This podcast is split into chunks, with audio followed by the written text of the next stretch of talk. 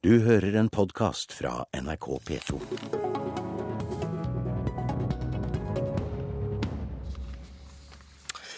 Det er ikke noe galt i å bli gammel, men kanskje bedre livskvalitet hvis du har gjort noe virkelig galt.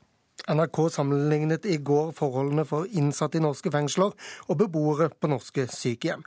Dobbeltromandelen er dobbelt så høy for, eh, for eh, de innsatte. Og mens det kan gå uker mellom turer i frisk luft for eldre, har fangene krav på daglig utetid. Frp-leder Siv Jensen, du er med oss på telefon. Svar med én setning på hva som er verdien av verdighetsgarantien regjeringen har fastsatt. Ingenting. Audun Lysbakken, SV-leder og medlem i Stortingets helsekomité. Hva er verdien av verdighetsgarantien? Den er stor. For det første så er det en uh, klar føring for landets kommuner som gjør at de har forpliktelser til å øke kvaliteten i eldreomsorgen. Uh, men dessuten så er det jo et dokument uh, og en plan som har gjort at eldreomsorgen går i riktig retning. La meg da veldig raskt legge til at det vi så på Dagsrevyen i går, det er jo forhold som vi ikke ønsker oss. Vi vil at våre eldre skal kunne få lov til å komme ut. Vi vil at alle skal ha enkeltrom. Men det er også den retningen vi beveger oss.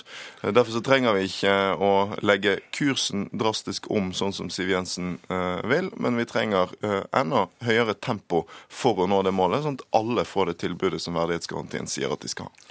Men dette er jo ingen garanti eller lov å slå i bordet med Lysbakken. Dette praktiseres som et mål å strekke seg mot, som vi også så på Dagsrevyen i går. Hvorfor blir det sånn? Altså, verdighetsgarantien er en forskrift, og derfor er det også en bestemmelse som kommunene har plikt eh, til å følge. Men ikke minst så er det en eh, veldig tydelig politisk føring som gjør at både politikere, pårørende, andre i de kommunene som ennå ikke er i mål, har noe å slå i bordet med. Eh, det som er avgjørende, er uh, at vi skal ha en eldreomsorg som er like god i hele landet. Jeg tror uh, de fleste som har vært pårørende i eldreomsorgen, jeg har vært det sjøl, uh, er enige om at det er veldig mye bra i norsk eldreomsorg, men det er også en del ting som mangler. Uh, og når vi, ser at, når vi ser at eldre ikke får lov til å komme ut, f.eks., så mener jeg det er altfor, altfor dårlig. Og nøkkelen til å gjøre noe med det, det er økt grunnbemanning, sånn at vi får ned vikarbruken, ned sykefraværet og får flere stabile omsorgspersoner for våre eldre. Siv Jensen, hvordan vil Frp og Høyre endre denne forskriften, eller i hvert fall sikre at den blir virkelighet, da, dersom dere kommer til makten?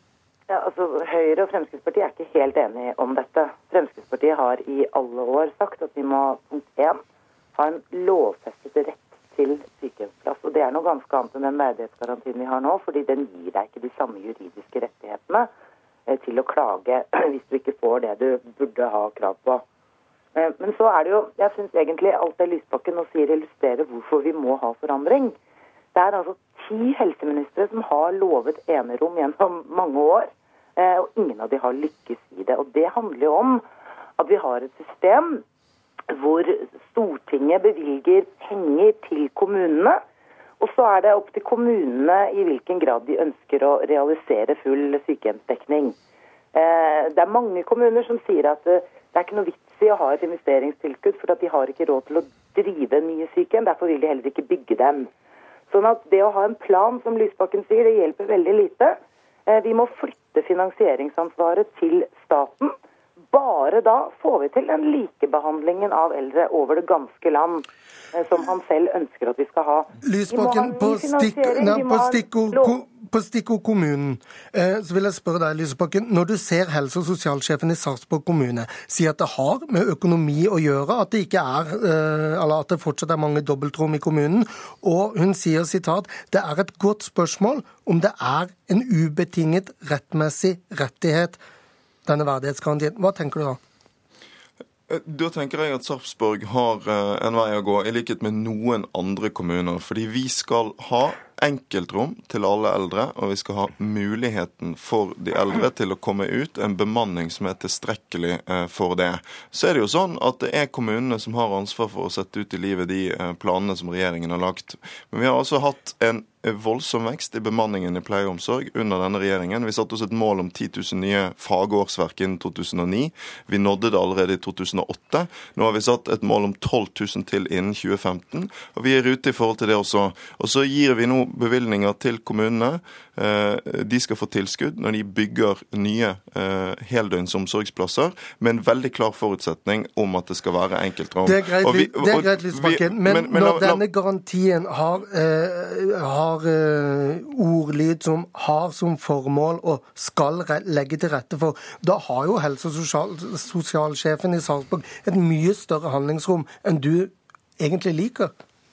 Det vi ser er at de fleste kommunene følger opp og beveger seg i riktig retning. Så er det noen som ikke klarer det godt nok. Og Det som jo er et paradoks med Siv Jensen sin, eh, som, som, snakker om at eh, hun skal løse alle disse problemstillingene, er at kommuner styrt av Frp ikke nødvendigvis gjør det. Etter flere år med Frp ved makten i Oslo, så hadde Oslo altså hatt en høyere andel med dobbeltrom enn det som er vanlig i resten av landet. Eh, sånn at vi, det er ulik gjennomføringsevne i ulike kommuner. Fremskrittspartiet sin har ikke vært spesielt god. Men derfor så tar vi også tak nasjonalt, sørger for at det kommer penger, sørger for at det kommer føringer og forpliktelser som gjør at alle skal få enkeltrom, og at alle skal få muligheten til å komme ut. Men da må vi også gjøre de ansatte til en hovedsak i eldreomsorgen. For det vi ser er jo at når man f.eks. velger konkurranseutsetting av sykehjem, så går det utover bemanningen, det går utover stabiliteten blant de ansatte. Det er jo Fremskrittspartiet sin oppskrift. Vår oppskrift heller å satse på økt grunnbemanning i det offentlige. Da ser vi at det er mulig å spare penger fordi sykefraværet går ned, men mye viktigere, det er mulig å få opp kvaliteten og ned tidspresset i eldreomsorgen. Og Sånn kan vi løse de problemstillingene som var oppe i går. Siv Jensen. Punkt 1. Konkurranse i seg selv går jo ikke utover ansatte. Det Lysbakken her hevder, er jo at alle som jobber i privat sektor har det fælt og vanskelig, og det er jo med respekt å melde bare tull. Konkurranse skaper bedre kvalitet.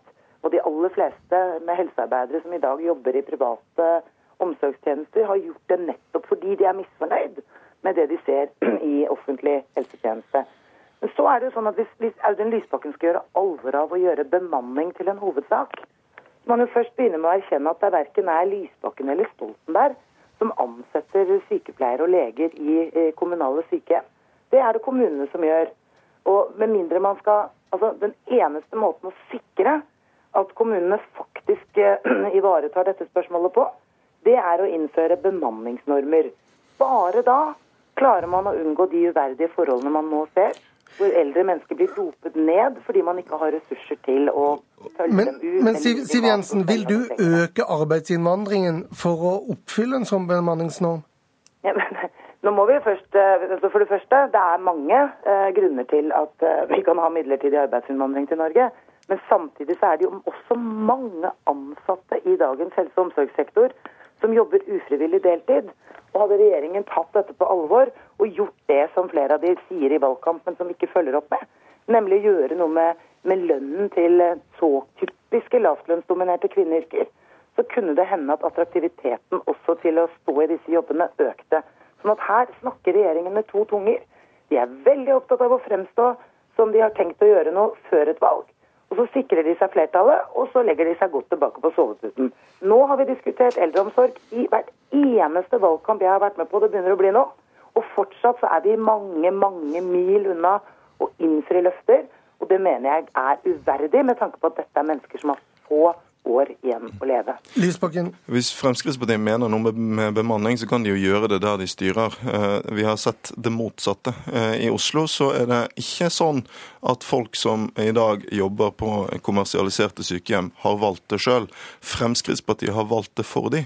Eh, Siv Jensen burde ha gjort det jeg gjorde under streiken på sykehjemmene for kort tid tilbake. Jeg besøkte en del av de som da var i streik. De hadde altså opplevd å få sine pensjonsbetingelser, sine arbeidsforhold dumpet. Det det er ikke sånn man skaper en bedre eldreomsorg.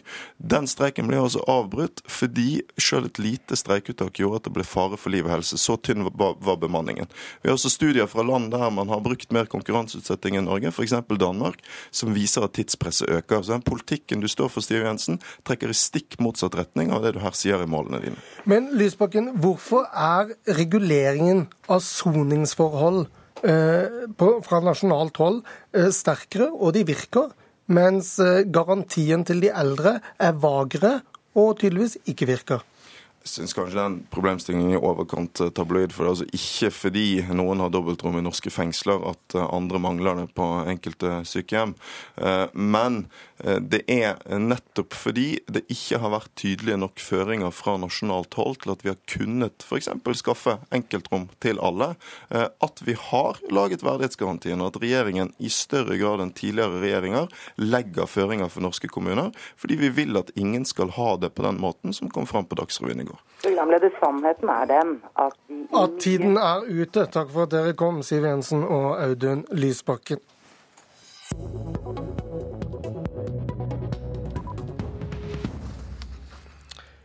Hvordan kom en hyttevenn, hotellbygger og mulig kuppmaker inn i Entras eiendomsstyre? Hvordan førte en mytterilignende tilstander til at styreflertallet overkjørte et ansettelsesbyrå og sin egen styreleder? Og hva har det å si at så mange piler i relasjonskartet ender opp hos næringsminister Trond Giske. Bård Vegar Solhjell, du er settestatsråd eh, i saker som omhandler Entra eiendom. Du skulle sette deg grundig inn i ting og ha lest all korrespondanse mellom Næringsdepartementet og Entra-styret. Hva viser gjennomgangen din så langt? Altså Først var det en del eh, beskrivelser i din relativt tabloide inngang her som jeg ikke vil gå helt god for. Eh, men jeg har begynt å jobbe med saken og gå inn i den. Og jeg jobber ganske detaljert med det, fordi det som er min jobb, er å finne ut uh, av hva som skjedde rundt ansettelsen av Rune Olsø som administrerende direktør i og rundt styret. Og jeg jobber så raskt som forsvarlig og vil så legge fram resultatet og hvilke grep staten må ta etter det. Har du skjønt hvordan fjæringen, altså styremedlem, kom inn i styret i begynnelsen? Altså, Jeg kommer ikke til å gi deg nå svar på ulike spørsmål som er basert på spekulasjoner i avisen om hvordan det ene eller andre skjedde eller ikke skjedde. Men jeg kan si at jeg går ganske dypt inn i alle problemstillingene rundt det eh, og ser på det. Og så det jeg kommer til å fokusere på, er hva, eh, basert på det som har skjedd, er det nødvendig for staten som eier å gjøre nå framover for at selskapet skal kunne fungere, og for de og for at det skal være tillit rundt alle forhold til at det, vi driver godt eierskap, og at det er et eh, styre som kan fungere skikkelig. Dersom du ender med å sparke hele styret, hypotese, vil du da sparke noen fordi noen andre har gjort feil, og at ringvirkningen eller presedensen av det i statlig eierskapet blir feil?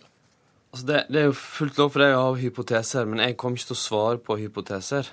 Eh, men bare det at jeg ser nærmere på eh, hvordan styret har behandla den saken, og forholdene eh, rundt det. Og så vil jeg komme tilbake igjen og legge fram eh, de eh, grepene jeg ser det nødvendig som for, for eieren å ta. Svært kort, når det gjelder, Hva taler for at du velger å avholde en ekstraordinær generalforsamling, og hva taler for at du holder med en styreinstruks? Du, jeg, jeg eh, lover å komme tilbake igjen og presentere for alle som er interessert i det, de grepene som er nødvendige at vi skal ta. Og i mellomtida kommer jeg ikke til å spekulere på ulike varianter eller uh, utfall av det. Det kan kanskje du gjøre, kommentator i Dagsavisen Hege Ulstein. Hva ville du gjort hvis du var Bård Vegar Solhjell? Jeg mener det er helt åpenbart at han må gjøre noe med styret. Om han velger å bare sørge for at de som regelrett begikk mytteri på styremøtet for å ansette Olsø går, eller om han velger å kaste hele styret. Det, det gjenstår å se, men eh, hvis jeg var han, så ville jeg i hvert fall sørget for at eh, det mindretallet ble borte. Når det gjelder vurderingen av Siri Hatlen, så kan man jo si at hun var ny, og at hun eh, prøvde å forhindre det. Men på den annen side så er det et problem at en styreleder ikke har bedre kustus på sitt eget styre. Støre Sjuddi, farmor Mæland, farmors rådgiver hvis stesvigerfar var departementsråd, sånn at han måtte bytte departement. Listen er lengre, men hva betyr summen av disse sakene for Arbeiderpartiet? Dette er farlig for Arbeiderpartiet, og det er det jo eh, åpenbart at de mener i regjeringen selv også, når eh, SMK velger en eh, settestatsråd fra et annet parti. Altså, Da er det helt klart at de er bevisst på hva slags inntrykk dette skaper. Og jeg tror at hele dette inntrykket av kameraderi, vennetjenester eh, Det har alltid vært en akilleshæl fra Arbeiderpartiet, men jeg tror den er enda verre nå, etter 22. juli-kommisjonens rapport, fordi det har festet seg et inntrykk av et styringssystem som har store svakheter. Og Når du da får disse historiene oppå det igjen, så, så, slår de mye hardere enn de ellers gjør. Så dette, dette, er noe som jeg tror Arbeiderpartiet må ta på mye større alvor enn de har gjort, eh, hvis du ser på de sakene som du nevnte hittil i år. Svært kort, tåler de en sånn sak til før valget, for det kan fort komme? Eh, altså, det kommer jo helt an på hva slags type sak det er og hvordan de håndterer den. men Eh, jeg er ganske forbløffet over at ikke de tar det på mer alvor enn de gjør. Jeg syns de virker litt fartsblinde til tider. At de tror, tror, at sånne ting eh, ordner seg og er greit, og så kommer det fram, og så får de hakeslepp. Og det burde de kanskje ha tenkt på litt tidligere i prosessen enn de har gjort i de sakene som har vært oppe i år. Det var Politisk kvarter. Mitt navn er Lars Nehru Sand. Du har hørt en podkast fra NRK P2.